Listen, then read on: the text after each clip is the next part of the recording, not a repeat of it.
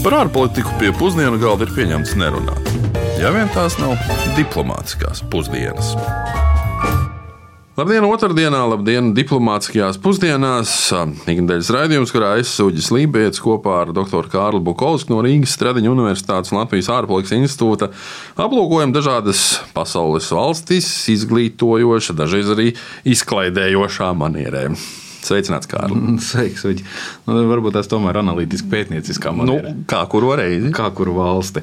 Um, kādu brīdi neesam bijuši Āfrikā, kopš uh, Gvinējas republikas apmeklējuma laikam, un uh, tādēļ uh, šodien dosimies atpakaļ un apskatīsimies Eģiptes Arābu Republikas piramīdas. Vienmēr es gribēju šo pateikt.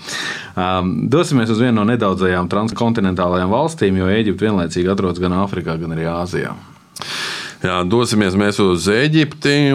Tā ir valsts, kuras senā vēsture, kultūra, reliģija nu, ir labi pazīstama visiem, gan kopš pamatskolas, vidusskolas, universitātes laikiem, vēstures stundām. Domāju, ka geogrāfija arī īsti nav jāskaidro. Atrodas tā otrā pusē vidusjūrā, bet Runāsim tieši par Eģipti tādēļ, ka tur notiek arī parlamentu vēlēšanas. Tās notiek jau mēnesi, un arī turpināsies vēl aptuveni mēnesi. Bet, bet ar ko tad Eģipte asociējas jums, mūsu klausītājiem? To intervijās, ielās centās uzzināt kolēģis Ulris Česbergs. Pirmā lieta, kas jums iešaujas prātā, dzirdot Eģipte. Eģipte, Sfinskas, nu, tās visas piramīdas. Retorisks jautājums senāka arhitektūra. Kaķi, piramīdas, valsts. Eģipte, nu, protams, piramīdas un arī savādāk rakstība.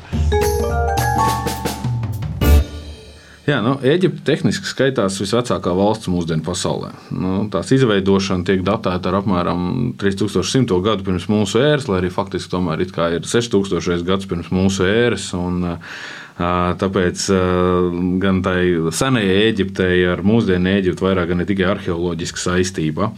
Nu, vienlaicīgi iedzīvotāji cieši seko vēl līdz valsts vēsturē un respektē to. Nu, laikam tomēr tas status pasaules civilizācijas šūpulis ir valstiskuma izpratnes uzturēšanai un iedzīvotāju pašlepnumu sekmēšanai ļoti efektīvs faktors arī mūsdienu politikā. Aptuveni 7. gadsimta vidū Eģipti iekaroja musulmaņi, bet mūsdienu pilnu neatkarību no Britu impērijas Eģipte ieguva pagājušā gadsimta 52. gadā. Un pašlaik mūsdienās Eģiptē ir vairāk nekā 100 miljoni iedzīvotāju. Kairā patiesībā ir pulkstenis, kurā uz, uz vienas no ēkas sienām, un kurš skaita iedzīvotāju skaitu pieaugumu. Es biju Kairā, tad bija diezgan surreāls sajūta, kad tu skaties uz to pulksteni, stāv, stāv pie sarkanās gaismas un skaties uz to pulksteni. Principā, kamēr tu tās 30, 40 sekundes nostāv pie sarkanās gaismas, tikmēr tu redzi, kā ir piedzimuši vēl 5, 6 jauni cilvēki. Tiešām tāda ļoti interesanta sajūta. Um, jā, un uh, gan arī visi valsts iedzīvotāji etniski identificē sevi kā eģiptieši, bet pēc reliģijas 90% ir uh, sunīti musulmaņi. Un Eģiptes Arābu republika tika izveidota 1971. gadā, un uh, izņemot īsus brīžus, valsts tomēr ir bijusi militāru diktatūru pārvaldīta valsts. Un arī šī brīža prezidenta Abdel Fataha el-Sisi vadība arvien biežāk tiek kategorizēta kā autoritārs režīms, nevis patiesa demokrātija.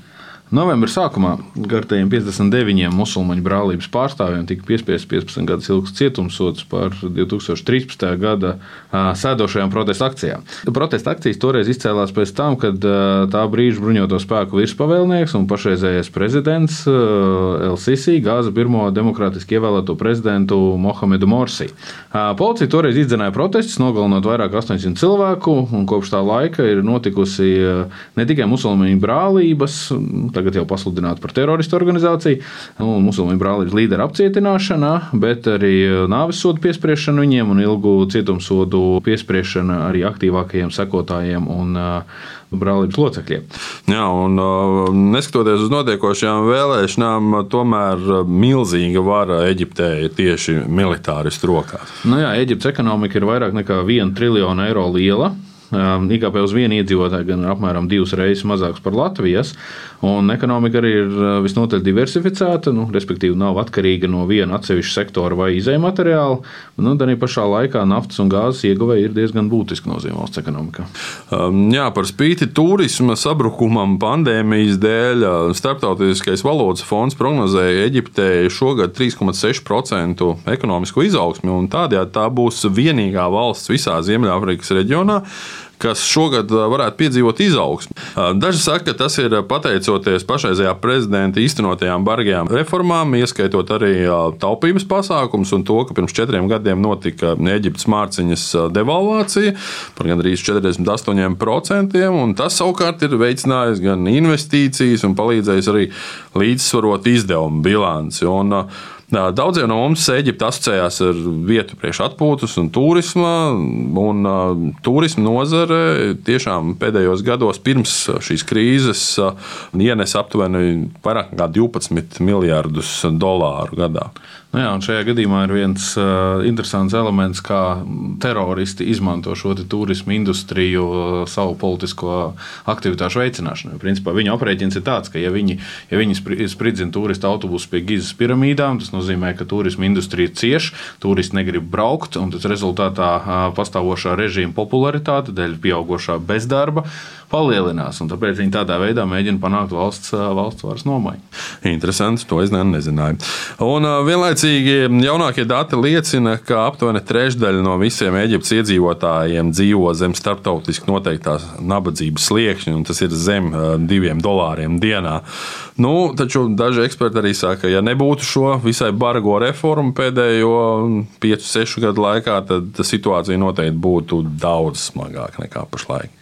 Bet kas ir svarīgi, ka jau kopš, un Gudur jau sāka minēt, ka kopš pagājušā gadsimta 50. un 60. gadiem Eģiptes ekonomikā un politikā lielu lomu spēlējuši tieši bruņotie spēki. Nu, kopš 2013. gada no militāra apvērsuma tas ir sasniedzis vēl nebijušu augstumu, un armijai ir pilnīgas vai daļējas nodokļu atlaides, priekšroka pieejā valdības kontraktiem un pieejams arī iesaukto karavīru bezmaksas brīvais darba spēks.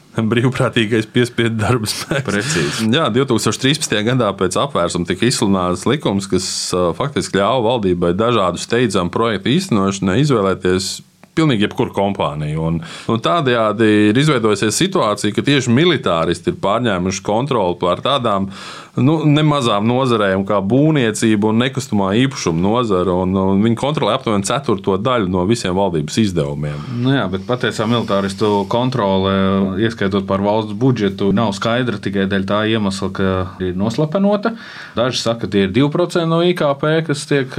Arī prezidents tā saka, arī, arī, tikai arī 2%. Pats, arī pats prezidents Sīsī tā saka, bet nu, citi atkal saka, ka tas varētu būt pat robežās starp 15 un 50, nu, ņemot vērā loģiku un uh, to, cik ļoti militarizēta sabiedrība šajā gadījumā, cik liela militāristiem ir loma, tad tas droši vien ir tuvāks tiem 11% nekā kam citam. 2019. gadā armija esot uzraudzījusi 2300 dažādu projektu, iesaistot vairāk nekā 5 miljonus cilvēku, un no militāras darbībām iegūtā peļņa netiek dalīta ar sabiedrību, un viss finansējums nonāk armijas kontos un augststāvošajām militāru personām. Jā, kopš Abdel Fatah el-Sisi nākšanas pie varas valdība ir uzsākusi uzsākusi vairākus megaprojektus. Un uh, 2015. gadā prezidents paziņoja par jaunas galvaspilsētas celšanu. Tas būtu no Tuksnesī uz austrumiem no Kairas. Un um, jaunā administratīvā galvaspilsēta būs aptuveni tikpat liela kā Singapūra. Šis projekts kopumā ir vairāk nekā 50 miljardu eiro vērts, taču nu, daudzi investori arvien biežāk no tā sāk izstāties. Un uh, atļauju jums minēt, kam pieder lielākā daļa akciju šajā projektā. Armijai. Tieši tā, 51% pieder Eģiptes armijai. Un, starp citu, šo pilsētu ir plānots atvērt jau nākamajā gadā, 2021.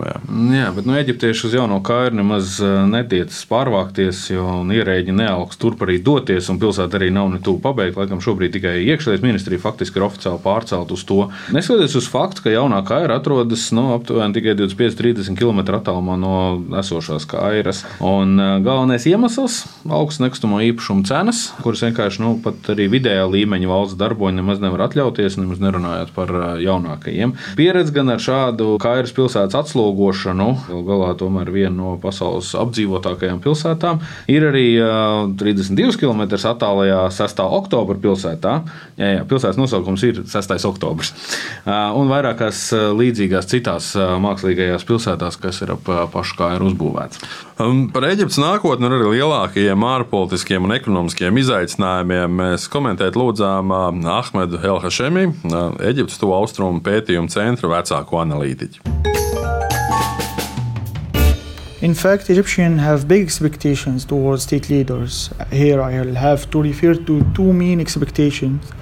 Patiesībā eģiptieši uz valsts līderiem liek lielas cerības, un es gribētu izcelt divas lietas.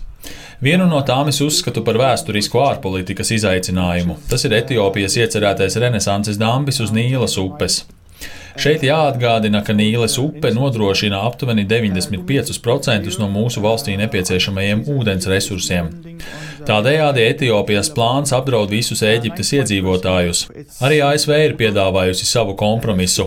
Eģipte tam ir piekritusi, bet Etiopija noraidījusi. Tieši tāpēc eģiptieši ar nepacietību gaida, kādas būs valsts vadības turpmākās darbības. Otras cerības ir saistītas ar ekonomiku un dzīves līmeni. Eģiptei ir bijuši bargi taupības pasākumi, valūta ir zaudējusi pusi no tās vērtības. Šī reformu pakete bija daļa no vienošanās ar Startautisko valūtas fondu, taču tā ir negatīvi ietekmējusi eģiptiešu ienākumus.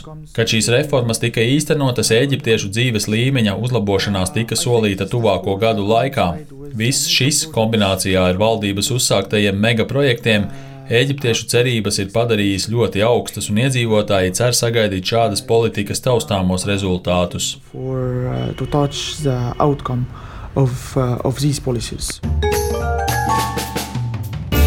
Jā, nu šis Ahmeda pieminētā situācija ar Nīlu un Dāmbi un attiecībām ar Etiopiju ir laikam piemērs tam, ka zaļais projekts un hidroelektrostacija var uh, kārtējo reizi nodarīt ļaunumu gan videi, gan uh, lielam skaitam cilvēku plānotais tā saucamais lielais etiopiešu renesanses dambis kļūs par septīto lielāko šāda veida dambi pasaulē un arī pašu lielāko Āfrikas kontinentā. Vēl, protams, pastāv arī iespēja, ka eģiptieši to varētu uzspridzināt, jo ASV prezidents Trumps telefonu sarunā ar etiopiešiem esot norādījis šo kā iespējamību, jo ASV šajā gadījumā, esot ilgstoši arī Eģiptes strateģiskais partneris, ir minējis šo kā potenciālu iespējamību, ja etiopieši neņems vērā eģiptiešu ļoti pamatotās vides un ekonomiskos iebildumus pret Nīlas bloķēšanu.